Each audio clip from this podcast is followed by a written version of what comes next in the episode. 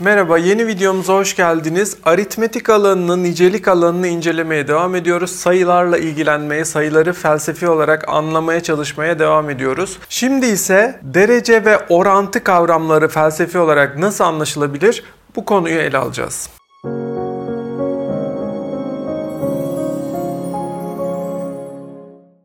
Sayılar varlığın düşüncede saklanmış haliydi. Yani varlığın ideallikleriydi. Yine de sayılar bir dışsallık barındırıyor.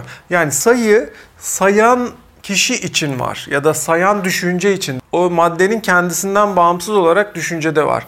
Bu yüzden sayı aslında bir sonluluk alanıdır. Varlığın idealliği ya da niteliğin idealliği sayı kavramında karşımıza çıkmaz. Sadece sayı kavramı niteliği o soyutluğundan kurtarmıştı niteliği düşünsel olarak kendi soyutluğunu aşmasını sağlamıştım. Ama sayı da dediğimiz gibi aşılır varlık ve sayısallığın birliğine doğru ilerlememiz gerekiyor. Çünkü varlık, soyut, sayı dışsaldı. Varlık ve sayısallığın birliğinde ise artık sayı kavramının aşıldığını göreceğiz. Peki bu nasıl oluyor? Nasıl gerçekleşiyor? Bunu adım adım ele alalım. Birim birim ünitelerden oluşan ya da birlerden oluşan ve birlerin tekrarlanmasıyla daha büyük sayılardan oluşan sayıları gördük. Sayıları ele aldık. Ancak bu tekrarlama işlemi, bu dışsal tekrarlama işlemi üst ilişkilerinde yani sayının üslü olarak kendisiyle çarpımı ya da kendisiyle bir üst ilişkisine girmesi sonucu artık o birim ilişkisinden, miktar ilişkisinden sayı sıyrılmaya başlar. Yani sayı düşüncesi artık daha öte, birimlerin tekrarlanmasından daha öte bir kendiyle ilişki içine girmeye başlayacaktır üst ilişkisiyle birlikte. Ancak tam olarak bu sayının yani üstlü ilişki den de öte sayının sayıyla ilişkisi sayesinde sayının ortadan kaldırılmaya başladığı daha öte aşama orantı aşamasıdır. İki sayının orantısını gözünüzün önüne getirin. İki sayının orantısında doğru orantıda iki sayı birlikte büyür ya da ters orantıda biri büyürken biri küçülür. İki halde de artık sayısallıktan, birim ve miktar ilişkisinden kurtulmaya başlıyoruz. Hangi sayı orantıda birimdir, hangi sayı miktardır artık bu önemini yitirmeye başlıyor. Sadece doğru orantıda doğrusal bir ilişki varken ters orantıda bir karşıtlık ilişkisi var.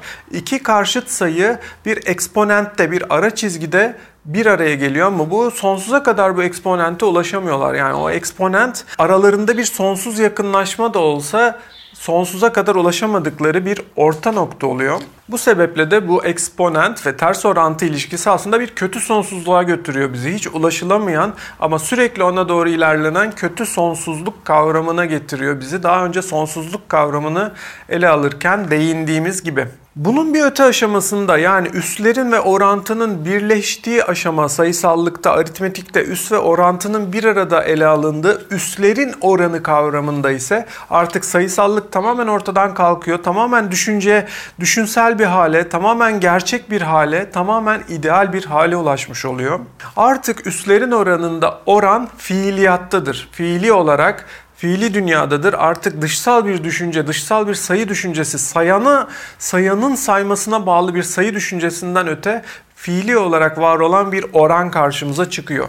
Ki bu da bizi artık daha önce dışsallaştırdığımız, ortadan kaldırdığımız nitelik kavramına geri döndürüyor ya da nitelikle niceliğin yani sayısallık ve varlığın, soyut varlığın bir araya geldiği momentte oluyoruz bu momentte ki bir sonraki aşama artık niceliğin ve niteliğin birlikteliği, fiiliyata çıkışı, gerçek dünyaya çıkışı ölçü kavramında karşımıza çıkacak. Bundan sonraki videomuzda ölçü kavramını inceleyebilirsiniz.